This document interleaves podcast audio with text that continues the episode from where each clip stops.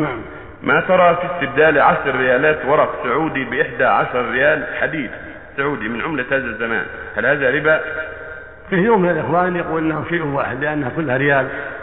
وعندي في هذا الشيء نظر يعني لأن العملة غير العملة الحديد غير الورق. ولكن توقي هذا أحسن وأحوط. كونه يأخذ عشرة بعشرة خمسة بخمسة يكون هذا أحوط وأحسن. نعم.